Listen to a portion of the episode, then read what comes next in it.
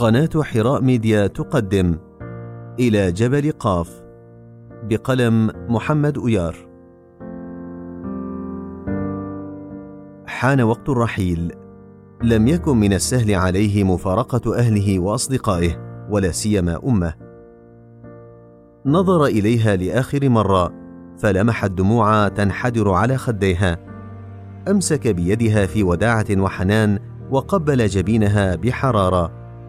قالت له رافقتك السلامة أستودعك الله يا ولدي.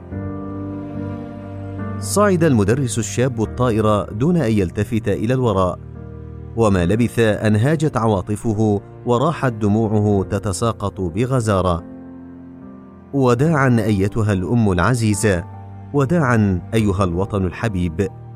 كلمات أوقدت لهيب الغربة في كبده فتمتم طوبى للغرباء. إنها لمسؤولية عظمى. إنها لرحلة مقدسة. رحلة إلى ما وراء الوراء. بعد لحظات أقلعت الطائرة محلقة في السماء. كان يركب الطائرة لأول مرة ويفارق وطنه لأول مرة. نظر إلى السحب المتراكمة من النافذة الصغيرة وغرق في عالم من التأمل. تذكر الجبال الشامخة التي كانت جدته تحكي له عنها في طفولته. كان يا ما كان في قديم الزمان كان في الأراضي البعيدة جبل شامخ يدعى جبل قاف ولا يمكن الوصول إليه إلا على ظهر طائر العنقاء. جبل قاف وطائر العنقاء. ماذا كانت تعني جدته بهاتين الكلمتين يا ترى؟ بدأ يتصور أن جبل قاف هي بلاد القفقاس وطائر العنقاء هي الطائرة التي تقله إليها. اذا إنه مسافر إلى ديار القصص والأحلام ليصبح أحد أبطالها. خفق قلبه لهذه الفكرة ثم قال في نفسه لا شيء يجعلنا عظماء غير خدمتنا لرسالتنا الإيمانية وسعينا لنيل مرضاة ربنا. تلألأت عيناه الواسعتين وشعر بسعادة لا توصف. تذكر أنه يحمل في أعماقه رسالة مقدسة ولكن هل يستطيع أن يوفيها حقها ويقدم إلى هؤلاء الناس كل ما في قلبه من حب وحنان؟ ولم لا؟ إنه سيقول لهم مرحبا جئتكم بتحية الزهور والورود من تركيا جئتكم لإعادة بناء أخوتنا من جديد. جئتكم لنقيم صرح أرواحنا معا وننشر روح المحبة والإيمان والفضيلة في كل أنحاء العالم. شعر ببرد قارس وراح يرتجف عند أول خطوة خطاها خارج الطائرة. لم يكن معتادا على مثل هذه الأجواء. كانت عاصمة القفقاس مغمورة بالثلوج وقد ارتدت حلتها البيضاء الناصعة. خرج من المطار المتواضع وأخذ يسير في شوارع المدينة. إنه لا يعرف احدا هنا. قسوة البرد لا تطاق. احترز ألا ينزلق فيقع على الجليد الذي يغطي كثيرا من الأماكن في الأرصفة. لا بد من الذهاب إلى فندق. رأى مجموعة من الشباب. اقترب منهم وحاول أن يتفاهم معهم بالتركية ولكن دون جدوى بسبب اختلاف اللهجة. حاول بكل ما لديه من جهد أن يفهمهم أنه أتى من تركيا ويبحث عن فندق وما أن نطق بكلمة تركيا حتى احتضنه بعضهم بشوق الأخ الذي عثر على أخيه بعد فراق سنين. رافقوه إلى فندق متواضع جدا وعبارات السرور تعلو وجوههم وتنعكس على تصرفاتهم المرحبة. قضى ليلة مزعجة لم يستطع فيها النوم من شدة البرد والرطوبة. وفي صباح اليوم التالي كانت الجرافات تزيل الثلوج المتراكمة على الطرق. لاحظ أن أغلب الأبنية في هذه المدينة ذات طابقين وأزقتها يشبه بعضها بعضا. رأى في أغلب الميادين والشوارع والأزقة تماثيل لينين وصور شخصيات هامة وعبارات وطنية حماسية على الجدران. ثم جنود الروس المسلحين. كانت الصورة العامة بالنسبة له كالحة ورمادية بعض الشيء إذ لا تزال رموز الشيوعية تسيطر على كل مكان في هذا البلد بينما هو كان لا يحمل سلاحا غير سلاح العلم والأخوة. كان ذهنه منشغلا بإيجاد سبيل لبناء مدرسة هنا لإيقاد شعلة إيمانية يستدفئ بها أبناء هذا البلد الشقيق. سأل عن القصر الرئاسي ولما علم مكانه اتجه إليه فورا. في البداية أبى الجنود أن يدخلوه المبنى لكن لما علموا أنه قادم من تركيا أطلقوا شعارات الفرح وأبلغوا أمره إلى الرئيس مباشرة. استقبله الرئيس أمام باب غرفته بترحاب حار. إنه من النادر جدا أن يزور هذه الديار البعيدة أحد من تركيا. أتيتم من تركيا اذا أهلا بكم. انبسطت أسارير عاصم وحل السرور قلبه. سيد الرئيس جئتكم بتحية إخوانكم من تركيا. قدم للرئيس العلم التركي مع بعض الهدايا التي جاء بها معه. تأثر الرئيس كثيرا وغلبته عواطفه وغرورقت عيناه بالدموع. شكرا جزيلا أنت إنسان طيب وأخ كريم. تفحص الهدايا بدقة ثم استنشق رائحتها. إنها رائحة تركيا نعم تركيا أخرج عاصم من حقيبته مصحفا وقدمه إلى الرئيس فنهض مندهشا. ما هذا؟ المصحف الشريف. ترقرقت الدموع في عينيه. تناول المصحف بادب جم وراح يقبله بشوق عارم. لاذ بالصمت لحظات وقد ضم المصحف إلى صدره بحب. نظر إلى عاصم بسعادة كبيرة. أتيتنا بروحنا يا أخي. أعدت إلينا سراجنا الذي فقدناه منذ عقود. أذكر وأنا طفل صغير أن جدتي كانت تقرأ القرآن خفيا. لا أعرف كيف أشكرك. كان جدي يحدثنا عن تركيا كثيرا. مدينة اسطنبول مباركة بالنسبة لنا. قل لي أيها الأخ العزيز ما الذي أتى بك إلى هذه الديار النائية؟ أتيت لأقيم مدرسة يا سيدي. مدرسة؟ نعم مدرسة. أريد أن أقيم مدرسة على غرار مدارسنا المنتشرة في كل أنحاء تركيا. لإقامة مدرسة أتيت لوحدك؟ سأبدأ العمل لوحدي لكن سيلحق بي من تركيا مئات المتطوعين من المدرسين ورجال الأعمال. سيدي لقد افترقنا عن بعضنا طيلة سبعين عاما بسبب الشيوعيه لكن انتهت الغربة وحان وقت إقامة الجسور من جديد وتتويج أخوتنا بالعلم والفضيلة والإيمان. قال الرئيس وقد بلغ منه التأثر مبلغا ما أجمل حديثك. يا أخي أتيت لوحدك من أجلنا ودون مقابل. لك ما تريد. افعل ما شئت وأينما شئت.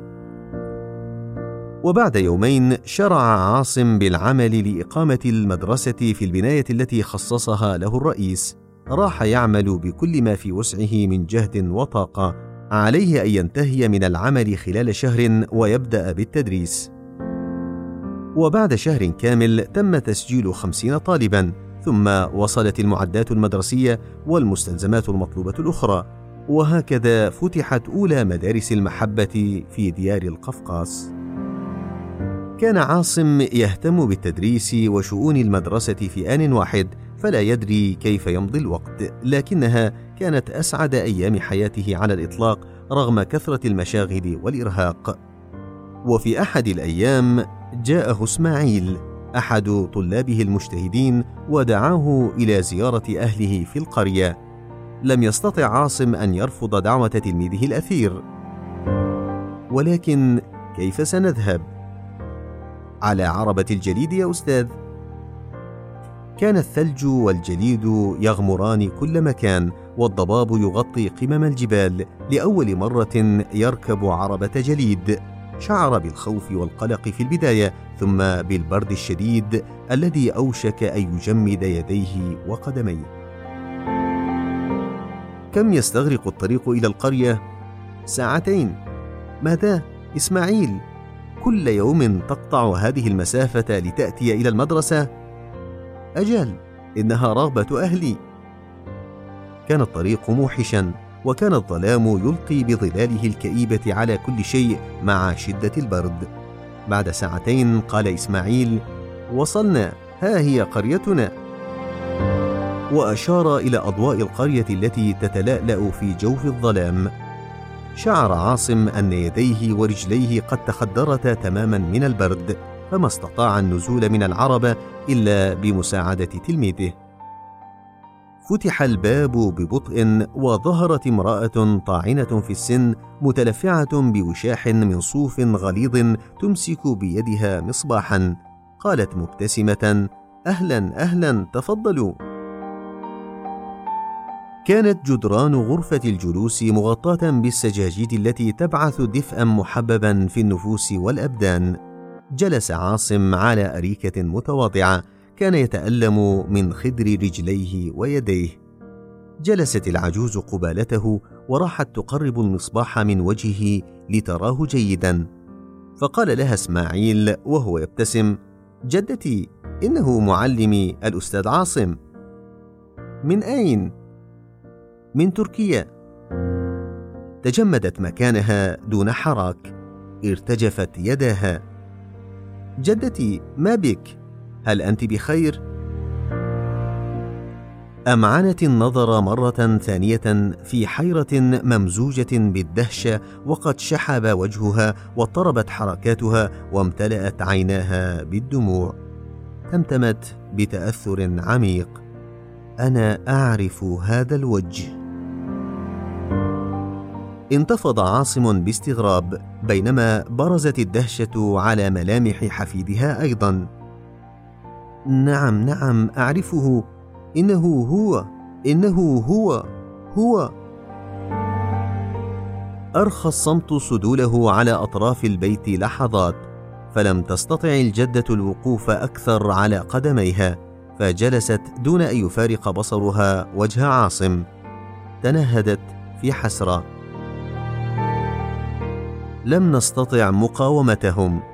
كانوا مسلحين. يقتلون كل من يعترض طريقهم على الفور. لم تمح تلك الأيام في ذهني أبدا. أيام الانقلاب الشيوعي في عهد لينين. كنت صغيرة. وكان الوقت بعد منتصف الليل. استغرقت في نوم لذيذ مع صوت أمي التي كانت تحكي لي قصة الأمير الذي يأتي من وراء جبل قاف على طائر العنقاء لينقذنا من المآسي التي نعاني منها. وإذا بصرخات أقلقتني من النوم رأيت الدبابات تدوس كل ما يعترضها في الأزقة والجنود يطلقون الرصاص على أبناء القرية. وضعونا في عربة قطار للحيوانات نساء ورجالا صغارا وكبارا. ابتلعت ريقها وسكتت ثم ركزت بصرها على الجدار واستطردت. ما نسيت تلك الليلة يا ولدي؟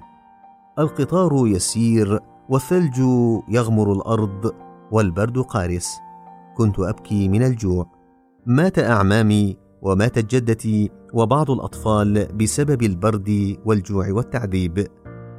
نحن في المنفى يا حبيبتي وسوف نعود إلى وطننا يوما. هكذا كانت أمي تقول لي. كانت الشيوعية والمنفى نفس الشيء بالنسبة لي. انعقدت الكلمات في حلقها. وبعد سنوات مات أبي وأمي وبقيت وحيدة في هذه الحياة. ولكن ما نسيت كلام أمي أبدا. سوف نعود إلى وطننا يوما.